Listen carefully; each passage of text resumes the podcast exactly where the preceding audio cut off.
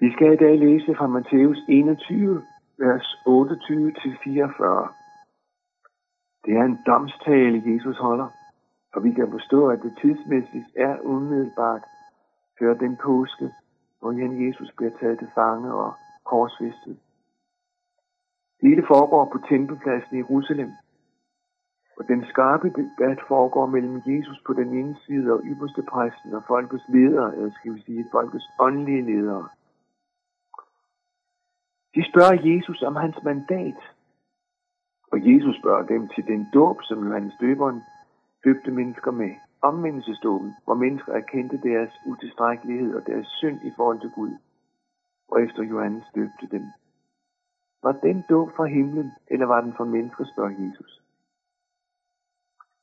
Det kunne de ikke svare på, siger de. For de kunne godt regne ud, at siger de, at Johannes dåb var fra himlen, altså han var sendt af Gud, så vil Jesus jo spørge, hvorfor troede I ham så ikke? Siger de, at det Johannes gjorde, da han døbte mennesker, det var bare noget, mennesker havde fundet på. Så vil folket, altså de jøder, som stod og lyttede til debatten, måske vinde deres fred mod de åndelige ledere. For mange andre end de åndelige ledere var overbevist om, at Johannes, døberen, var sendt af Gud. Og det han forkyndte dom over det forkerte, dom over synd, det var for Gud. De havde altså ikke et svar til Jesus. Og derfor ville Jesus heller ikke svare dem, hvem der havde givet ham ret til at sige og gøre, som han gjorde. Det var Gud, der havde sendt Jesus. Men de ville lederne ikke tro på. Og de ville anklage Jesus for at være blasfemisk, hvis han sagde det. Også selvom det jo var tilfældet med Jesus, at han kom fra Gud, og han gjorde Guds gerninger. Og så fortæller Jesus dem to beretninger. Små linser, hvor det med al ønskelig tydeligt fremgår, hvem der handler forkert i forhold til Gud. Jesus siger, men hvad mener I? En mand havde to sønner. Han gik hen til den første og sagde, min søn, gå og arbejde i vingården i dag. Men han svarede, nej, jeg vil ikke. Bagefter fortrød han og gik derud. Så gik han til den anden søn og sagde det, det samme til ham. Han svarede, ja herre, men gik ikke derud. Hvem af de to gjorde deres fars vilje? De svarede, den første. Jesus sagde til dem, sandelig siger jeg jer, tolv og skøre skal gå ind i Guds rige før jer. For Johannes kom til jer og lærte jer vejen til retfærdighed, og I troede ham ikke. Men toller og skøre troede ham. Og skønt I så det, angrede I heller ikke bagefter og troede ham. Hør endnu en lignelse, fortsatte Jesus.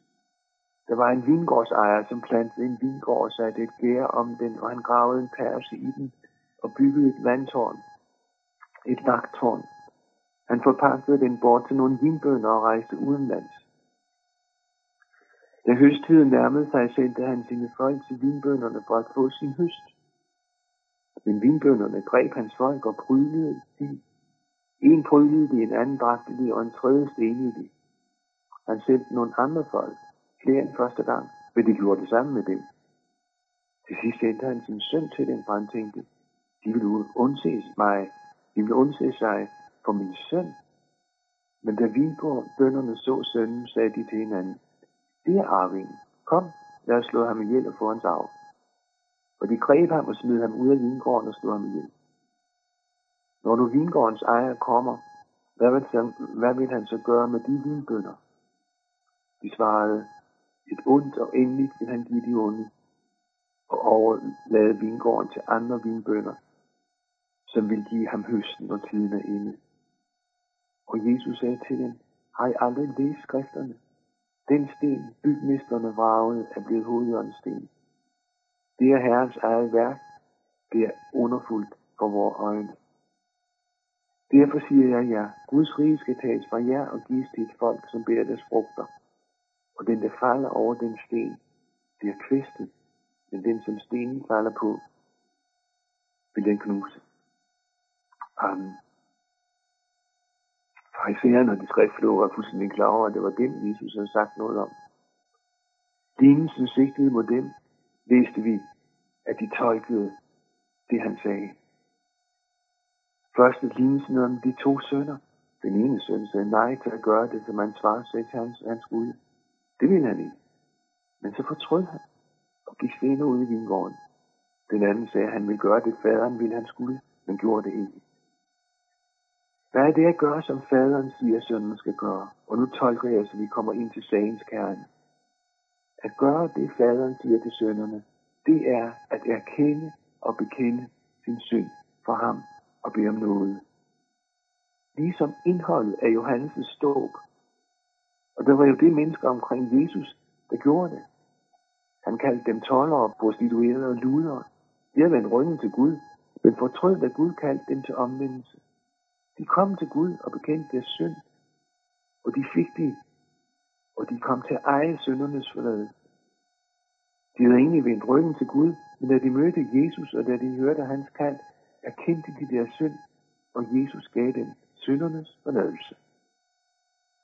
Så var det den anden søn. Han sagde naturligvis, at han gør Guds vilje, gør som faderen sagde til ham. Men han gjorde det ikke. Han ville ikke erkende en eneste mulighed for at Gud tilgav ham hans synd. Han ville ikke have det, hans far ville. Han ville kun selv. Og så skal vi anvende det her. Jeg kender dig ifølge sagens natur ikke. Formentlig er du dybt. Og måske der, mange der lytter her, er jo det. Du sagde ja til det Gud ville. Du sagde ja til Gud ville, det Gud ville dig, eller andre gjorde det i første omgang for dig, om du er dybt. At sige ja til det Gud vil. Og så spørger jeg, lever du i noget hos Jesus? Eller mere præcist, har du Jesus som din frelser denne dag? At være døbt, det er at have Jesus som sin frelser. Det er, når man tænker på sin Guds relation, at Jesus som frelser er min mulighed for at komme godt fra at møde Gud. Kan være, at du tænker, at så galt fatter det ikke med dig. Guds nåde, okay. Den er der brug for i nogen forhold i dit liv, men ellers klarer du selv resten. Lige nøjagtigt sådan tænkte fejlsærende. Guds nåde, plus det Gud, plus det gode, som Gud kan gøre i mit liv. Det betyder, at jeg kan klare at møde Gud. Tænker du på den måde, er du inde på en katastrofekurs. Og tænker du sådan, så tænker du anderledes end Gud, end din far. Han kalder dig der til at gøre det, som er hans vilje. Og hans vilje er, at du får Jesus til at frelse dig helt og fuldt. Kan være, at det du hører i dag er et kald til at omvende dig, til at få gjort op med Gud. For Guds side er der åbenhed rettet mod dig, når det gælder de forhold. For ligesom det er hans vilje, at du skal have Jesus som din frelser, på samme måde er det hans ønske, at det også skal lykkes for dig. Og så den anden lignelse, som Jesus også fortæller i de vers, som jeg har læst i dag. Vingårdsejeren forpagtede sin vingård til nogle vinbønder. Og da vinhøsttiden var der, sender han tjener afsted for at få det, som tilkom ham. Tilkom ham. Men de vinbønder, som forpagtede vingården, vil ikke have med ejerens udsending at gøre. De greb ham og prydede ham. Nogen blev slået ihjel, for de ville ikke lade sig sige af ejeren. Ja, de opførte sig faktisk, som om det var dem, der ejede det hele. Allerede på det tidspunkt fortællingen, tror jeg, ypperste præsten og fejserne havde gættet, hvem lignelsen handlede om. For de kendte jo godt Israels historie. De kendte dem, som var profeter tidligere i historien, men som, ikke, men som man ikke ville høre eller følge. Profeter, som samtidig forkastede, og som man først langt senere fik erkendt havde været sendt som med mandat for Gud. Fordi folkene skulle kende Guds vilje. Og listen er bare lang. Og tættest på i erindringen er jo hans døberen, ham som Herodes havde slået ihjel, fordi han i en brænder kom til at love noget, som man ikke synes, han kunne trække tilbage. Vi ved ikke, om det var mennesker, som protesterede, da det skete, men der var ingen, der til synligheden havde kæmpet for, at Johannes skulle stilles fri, da Herodes fængslede ham. Var Johannes han stor for Gud, så burde de åndelige ledere jo ikke redde Og han stod bare noget, mennesker fandt på, og altså ikke noget, der kom fra Gud. Så burde de jo have sagt, at det var det, det de mente. Men så havde autoriteterne, de åndelige autoriteterne, fået folkestemningen imod sig. For folket anså Johannes for et menneske, som Gud havde sendt. Jesus fortæller videre i lignelsen, at kongen til sidst sendte sin søn til de vinbønder, som egentlig bare var forpagtere, men som på deres måde var ligeglade med ham, som de lejede vingården af. Og da sønnen mødte op, skete der det, at vinbønderne greb sønnen, smed ham ud af vingården og slog ham ihjel. Og hele billedet, lignelsen, viser med al ønskelig tydelighed, at det er Israels folk, Jesus taler om. Også fordi profeter tidligere har talt netop det, folket som en vingård.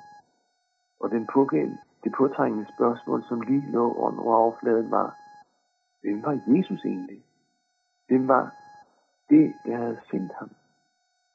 Det spørgsmål kom, kom til sagens kerne. Det spørgsmål er, som at komme til sagens kerne.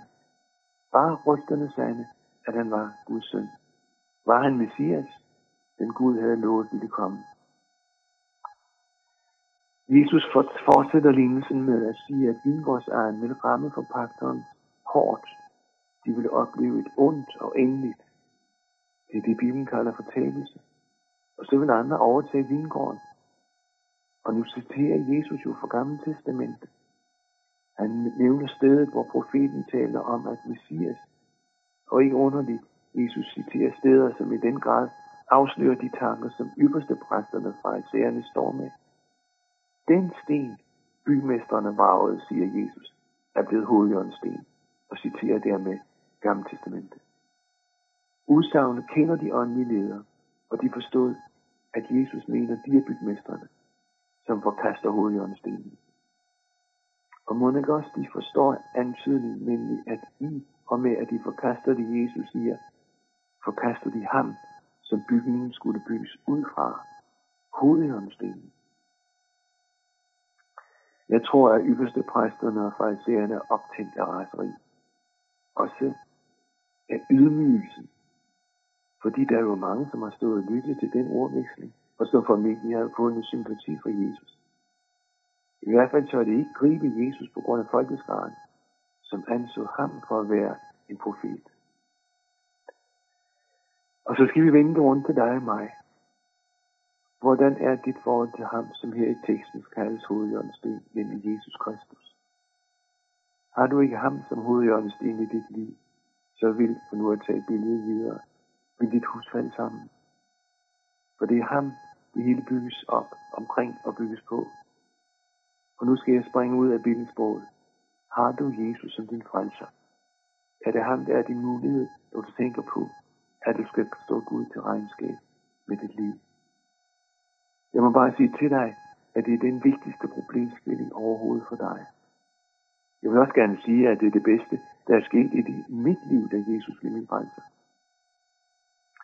Det er mange år siden, jeg første gang oplevede, at han sagde til mig, at han kom for at frelse syndere. Og det med at være en synder, det var en præcis beskrivelse af mig. Så præcis, så jeg kunne se den sammenhæng, det jeg læste i virkeligheden, at Jesus er synderes ven. Og så har han været der sammen, og så har det været det samme mange gange siden. Gange, hvor jeg bare ikke kunne leve op til det, som jeg synes, man skulle, for at være og kalde mig kristen. Igen og igen understregede han for mig, at han var hovedjørnstenen. Han tog ansvaret, at han ville frelse den, som ikke kunne klare sin egen Guds sag. Og det blev min redning. Og det er min redning også denne dag. Kunne du ikke tænke dig at få Jesus som din frelser? Ved du, hvad du må have lov til at tro? Du må have lov til at tro, at Jesus elsker dig. Han er også død for alt i dit liv, som er forkert. Den, der tror det, har fundet ind til det, som Gud ønsker, at hvert eneste menneske vil gribe fat i. Gud vil sige dig til det. Amen.